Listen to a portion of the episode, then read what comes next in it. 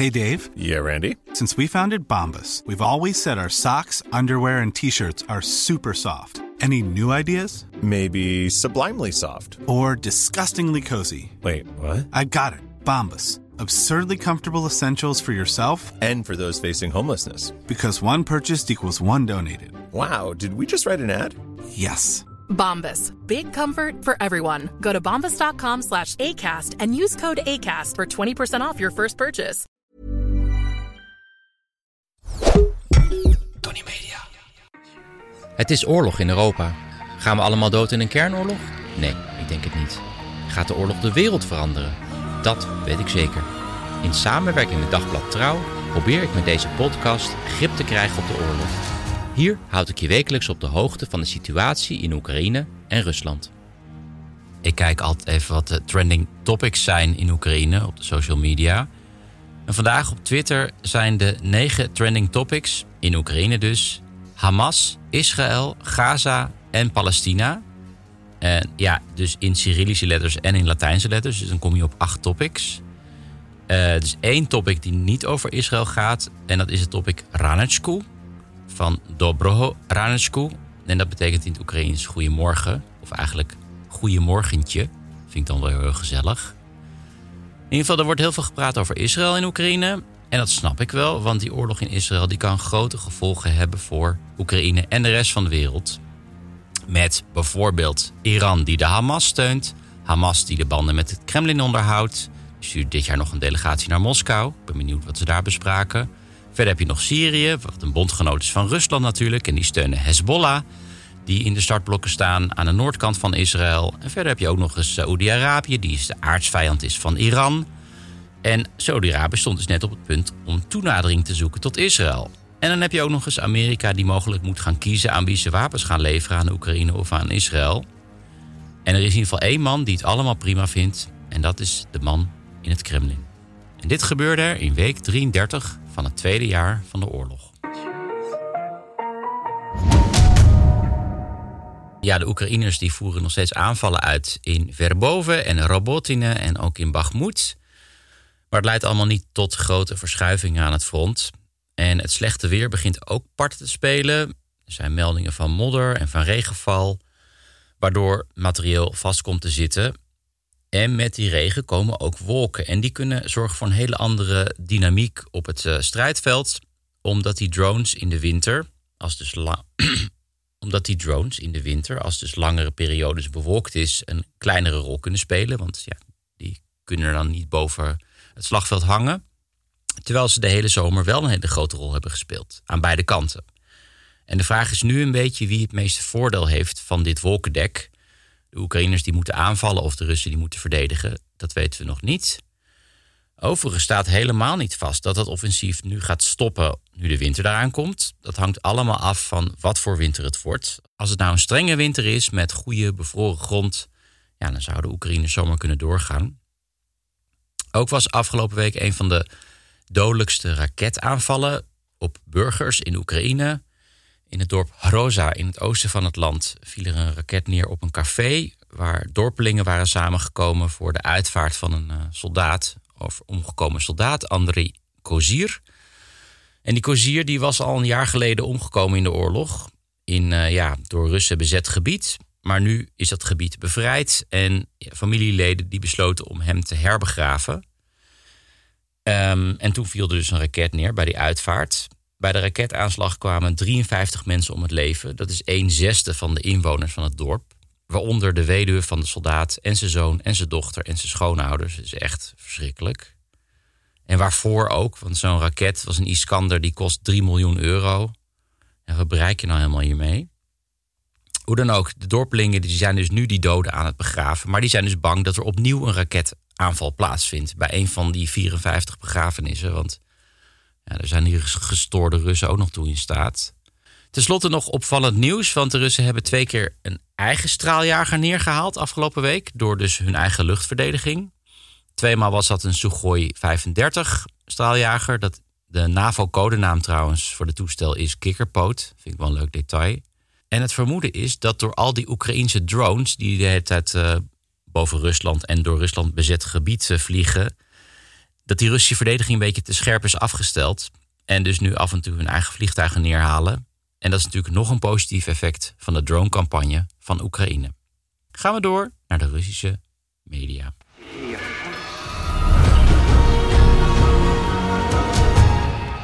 щоб разом зупинити злочини проти людяності. Кожне життя має значення як в Ізраїлі, так і в Україні. Але також ми знаємо, що ворога можна перемагати і проганяти зі своєї. Je hoort hier Oekraïnse soldaten in een heel ja, gelikt gemaakte video. Met ondertitels in het Hebreeuws of, of Ifrit. Of, ja, hoe dan ook. Het is in ieder geval gericht aan de Israëliërs. Met als boodschap: Wij steunen jullie in jullie strijd tegen de terroristen. Nou, die boodschap had Zelensky ook deze week. Op alle digitale billboards in de stad Kiev wapperde ook de Israëlische vlag. En ja, het is duidelijk dat die Oekraïners echt voor de volle 100% Israël steunen. Andersom was dat tot nu toe zeker niet het geval.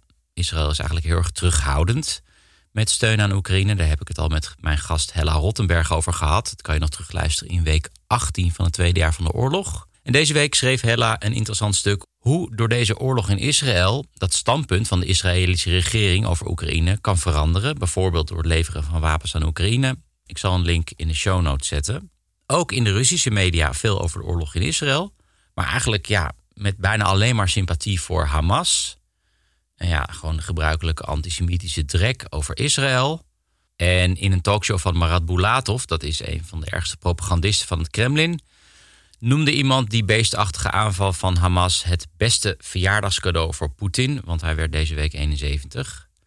En bizar genoeg werd parallel hieraan ook nog de leugen verspreid dat Oekraïne Hamas van wapens had voorzien. Uh, dat werd bijvoorbeeld geschreven door oorlogscorrespondent Alexander Kots. Blijft echt een geweldige naam. Uh, in de tabloid Komsomolskaya Pravda. Waarom de Oekraïners in vredesnaam wapens zouden leveren aan Hamas, dat wordt verder niet uitgelegd. Maar het past helemaal in de Kremlin-strategie van het verspreiden van ja, gewoon zoveel mogelijk narratieven. Zodat de kijker of lezer totaal in verwarring blijft. Maar goed, de belangrijkste strekking is wel dat de meeste Russen denken dat die oorlog in Israël de oorlog in Oekraïne eigenlijk een beetje onder zal sneeuwen. En dat is ook mijn vrees, eerlijk gezegd. Um, zodat de Russen zonder veel reacties raketten kunnen blijven gooien op dorpscafés. Verder een interessante handgeschreven brief op het uh, Telegram-kanaal van Igor Girkin. Dat is die man die verantwoordelijk is voor het neerhalen van MH17. Maar hij schrijft vooral heel erg kritisch over Russische oorlogsvoering. Hij is heel erg kritisch op Poetin. En dat kanaal wordt trouwens niet alleen maar gelezen door veel Russen, maar ook door Oekraïners. Die Girkin beschouwen als ja, eigenlijk een van de weinige Russen die nog wel eens wat uh, betrouwbaars zegt. En precies om die reden zit hij al een paar maanden in een gevangenis in Rusland. Maar goed, nu heeft hij dus een soort van handgeschreven brief naar buiten gesmokkeld. En ja, hij heeft echt een prima handschrift, die Girkin. Echt heel mooi en regelmatig. Had echt zo'n brief van uh, ja, Tsjechov of zo kunnen zijn.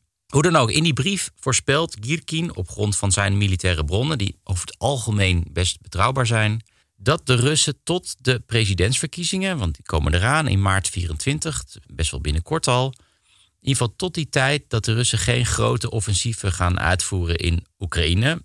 Ten eerste uit angst voor onvrede onder de Russische bevolking.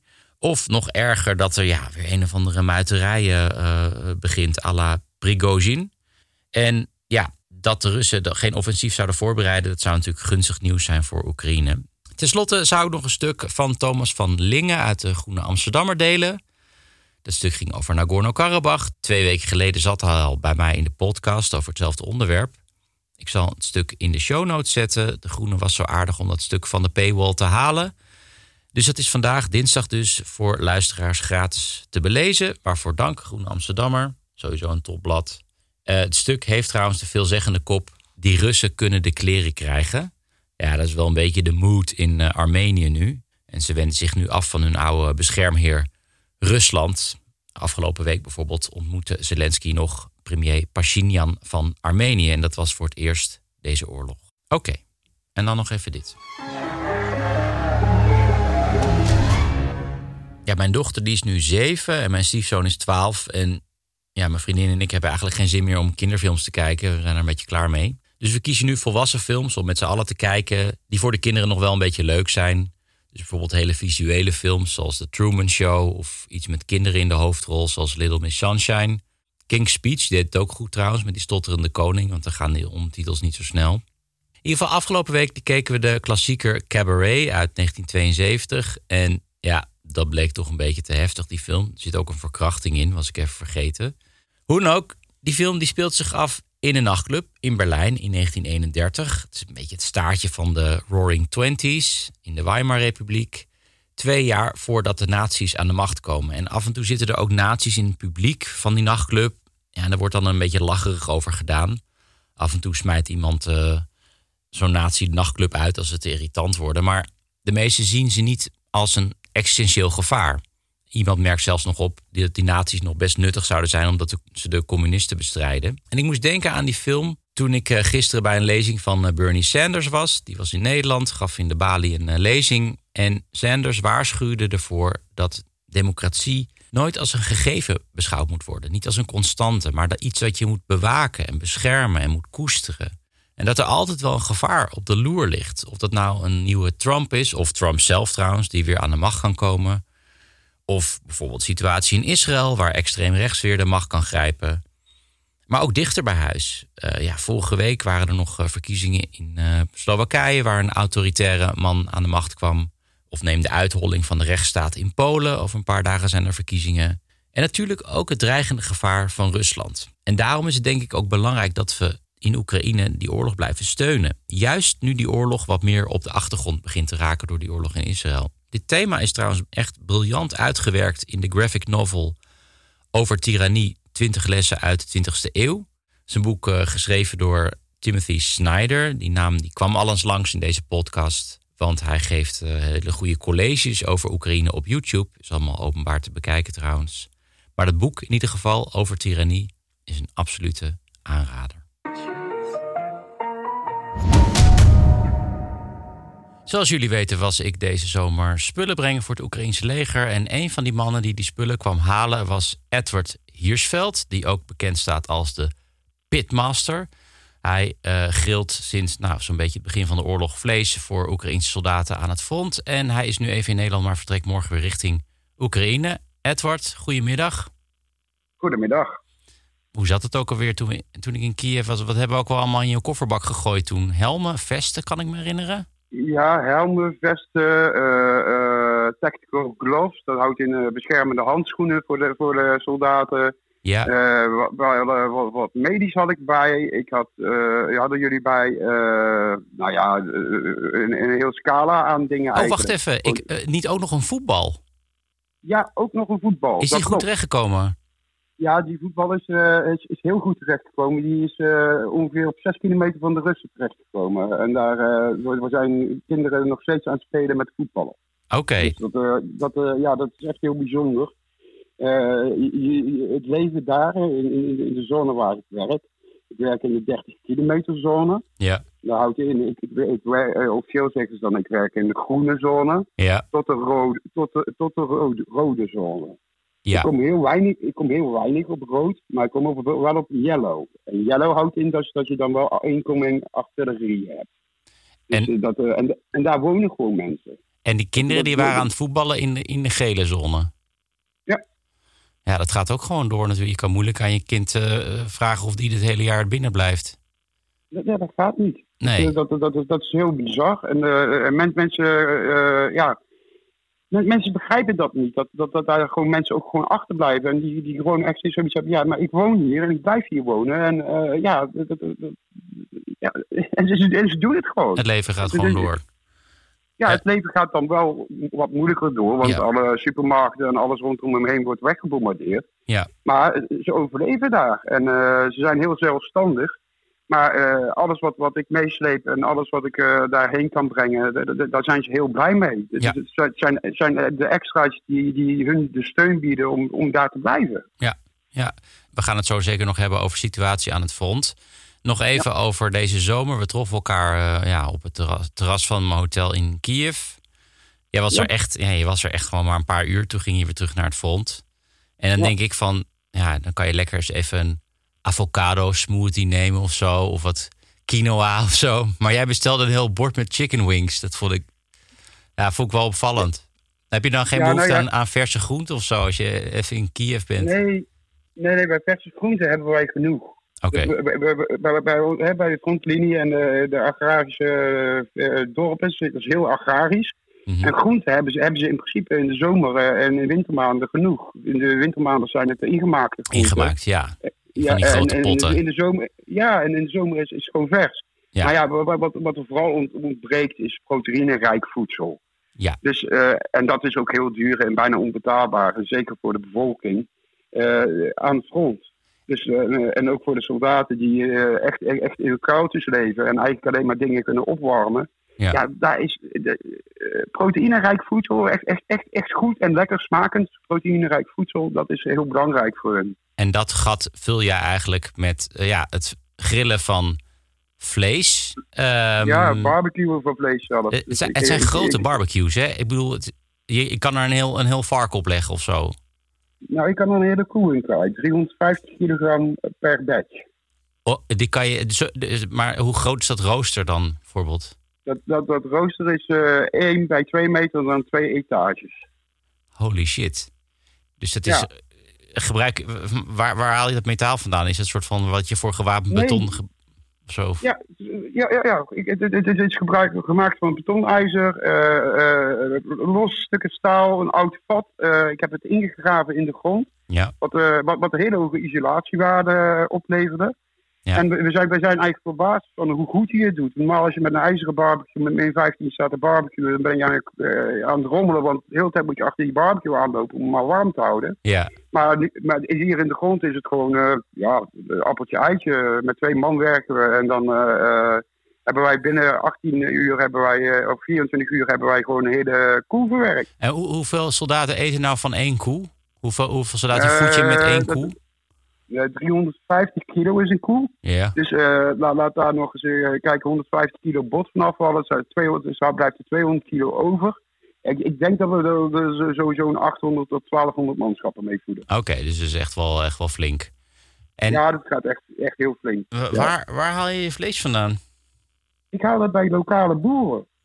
Ik heb, een, ik, heb een hele, ik heb ook een hele lieve trouwe leverancier die, eh, die, die ook goed vertrouwen is. Want je moet ook niet zomaar eh, vlees aannemen van iedereen. Die kan, eh, dat, dat, dat, dat gaat gewoon niet.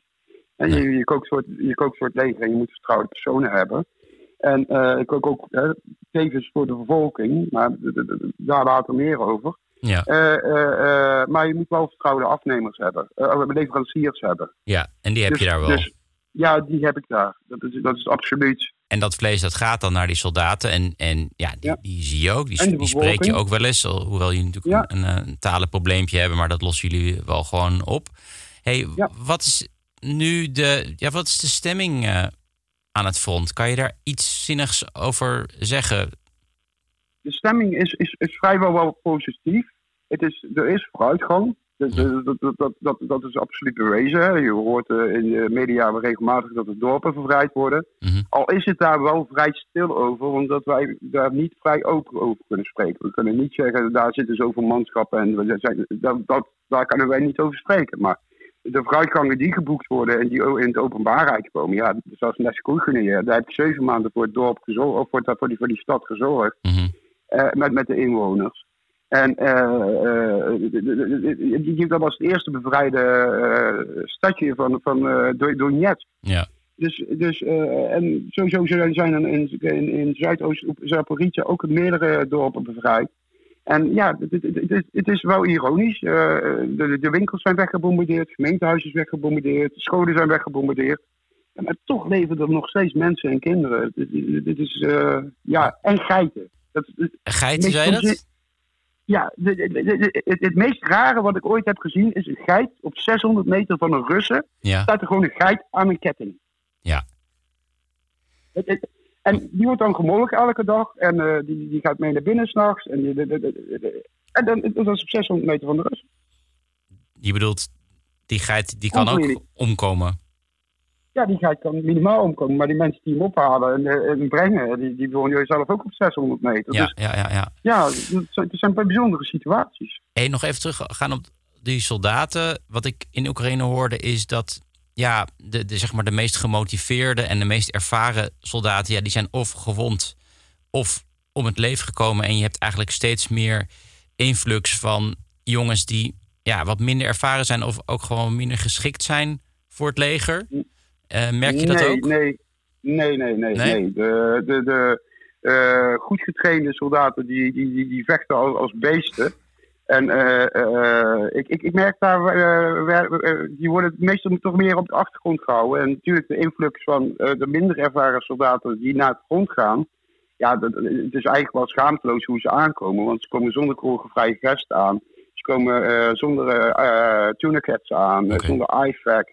En, en, en- en die jongens dan weer be- herbevoorraden. En daar zit wel een hele grote... Ze krijgen niet eens een basisuitrusting, zeg je. Nou ja, het, het, het, het- het wordt achtergehouden in Veilig West. Veilig Mhm. West vindt, eh, vindt eh, van ja, als hun het daar nodig hebben, misschien hebben wij het dan nodig. En dan houden ze het achter. Ja, En daar zit dan een, een, een stempelsysteem achter en een handtekeningssysteem achter. Hoe, hoe kunnen ze een request indienen? Ja, daar kunnen ze allemaal niet aankomen, want ze moeten gewoon binnen zes dagen vechten. ja. Dus, dus, dus dan is het gewoon die jongens bevoorraden met wat we hebben. En eh, ja, en, en, dan gaan ze weer het veld in. Dus Ongelooflijk. daar zou, daar zou je dus wel een flux kunnen zeggen van, ja, eens, eh, jongens sowieso het veld insturen, dat is vragen om problemen. Maar het is wat het is. Ja, Ja? Ik, ik, ik kan dat systeem niet veranderen. Nee. Ik kan alleen maar zorgen dat ik zoveel mogelijk goederen binnenhaal. Zoals Ja. eh vesten, zoals jullie aangeleverd hebben, helmen, eh eh, eh, al, al, al- alle andere dingen, zoals eten. Ja, dat is gewoon belangrijk. Ja. En als, als we naar voren vechten, ik heb er één keer een team gehad, die was, was zo ver naar voren geschoten, dat ze in één keer zonder eten kwamen te zitten. Drie dagen. oké. Ja, en, en daar ben ik dus toen naartoe gegaan met, met mijn auto. En daar heb ik toen in één keer een hele, hele batch eten weggezet. Gewoon, eh ben naar de supermarkt gegaan. Ik heb alle blikvoer wat ik kon vinden, heb ik er nou... eh, Maar dat een was, dat was in de ro- rode zone dan. dat was in de rode zone. W- Heb je daar nog iets van gemerkt? Ja, daar merk je altijd wel wat van. Ik bedoel, eh, ik heb eh geperforeerd trommelvlies. Dus dat, daar merk je echt wel wat van. Door Ja, een explosie. Ja een explosie op, eh, ja, ik denk 15 tot 25 meter van, eh, van, een, van een shell. Oh, man. Ja, Ja, weet, je, wat ik een beetje merk bij, bij jou en ook wel bij ehm, bijvoorbeeld eh, eh, Frankie en Koen, bijvoorbeeld, die patatbakkers. Ja. Dat, je een soort van, dat er een soort van glijdende schaal is. Dat je elke keer denkt, nou, ik kan nog wel een stukje verder. Want de vorige keer viel het wel mee. Ben je niet bang dat je Mm. soms te veel risico's eh, neemt? Nee, ik heb hele goede begeleiding erop zitten. Ik heb, eh, ik, ik heb management. Ik, ben, wel, eh, eh, officieel ben ik, onofficieel ben ik gewoon een burger daar. Officieel ben ik een burger daar. En onofficieel is het gewoon van, ik word begeleid door het leger. Oké. Dat is je management. ja, dat, dat is mijn management, zo, zoals ik dat noem. En als, als, als, als ik iets wil doen, dan meld ik het ook altijd. Dan Mhm. vraag ik of het veilig is. En we zeggen, als we zeggen, ga niet, dan ga ik ook niet. Het is, het, is- het is, het is gewoon vrij simpel. Maar, eh, Dus toen jij, toen jij wat, wat, wat eh, die, die, blik, eh, die blikken voer uit, ehm, of eten uit de supermarkt naar die jongens ging brengen, toen zeiden zij van nou ja, dat is een prima idee eigenlijk. Nou, dat, eh, daar waren de meningen toen wel even een beetje over eh, verdeeld. Want toen heb ik, het niet- eh, heb ik het niet gedaan, want eh, uiteindelijk is het, eh, is het een van mijn beste soldaten die ik ken. Eh, en waar ik heel, heel trots op ben. Hij, hij gaf zijn grens aan. Mhm. Hij gaf eindelijk, eindelijk een keer een grens aan van nu trek ik het niet. Nee. Nu moet jij mij komen helpen. Oké. En eh, eh, toen heb ik het er niet eens met management over gehad. Hij heeft gezorgd dat het, dat, dat het veilig was. Ja. Dus dat, eh, en dat houdt, in dus dat hij, hij- zijn team eh, een parameter heeft gezet waar ik eh, doorheen kon rijden. Oké. Dus, dus dat, dat, dat, dat garandeerde hij. Dus hij zegt, jij kan gewoon hierheen komen. Ja, punt. ik snap het. En als, als hij dat zegt, ja, dan, dan vertrouw ik hem blind. Ja. Die jongen vertrouw ik blind. Morgen weer die kant op, richting Oekraïne, Ja. met, waarschijnlijk met een auto vol met spullen. Mochten er nou luisteraars zijn die Edward willen steunen, dan kan dat met een donatie. Ik zet zijn site natuurlijk in de show notes. Edward, dankjewel voor het gesprek. Dankjewel. Dit was het voor deze week. Nog bedankt voor alle tips over Oekraïense illustratoren in Nederland. We hebben er wel tips van binnen gekregen. Hartstikke fijn en we gaan ermee aan de slag. Verder zoeken we nog adverteerders voor deze podcast. Geïnteresseerde bedrijven kunnen hun mail sturen naar adverteren tonnymedia.nl. Tony is met een Y. Verder nog een kijktip. Uh, Ruben Terlouw, met wie ik een serie over Centraal-Azië heb gemaakt. Die komt nu met een nieuwe serie onder de naam Dr. Ruben. Klinkt voor mij een beetje boeketromanachtig. Zo van, Dr. Ruben, wat doet u nou? Maar goed, het is echt een steengoede serie over uh, gezondheidszorg wereldwijd. Dus ga allemaal kijken aanstaande zondagavond, dan is de eerste. En ik ga de komende week aan de slag met een boek over mijn trip naar Oekraïne. Dat moet ergens in het voorjaar verschijnen. Ik hou jullie op de hoogte. Ik ben er de volgende week weer. Ben heel benieuwd hoe het er dan voor staat met Israël en Oekraïne en de rest van de wereld. Gaan we zien. Tot dan.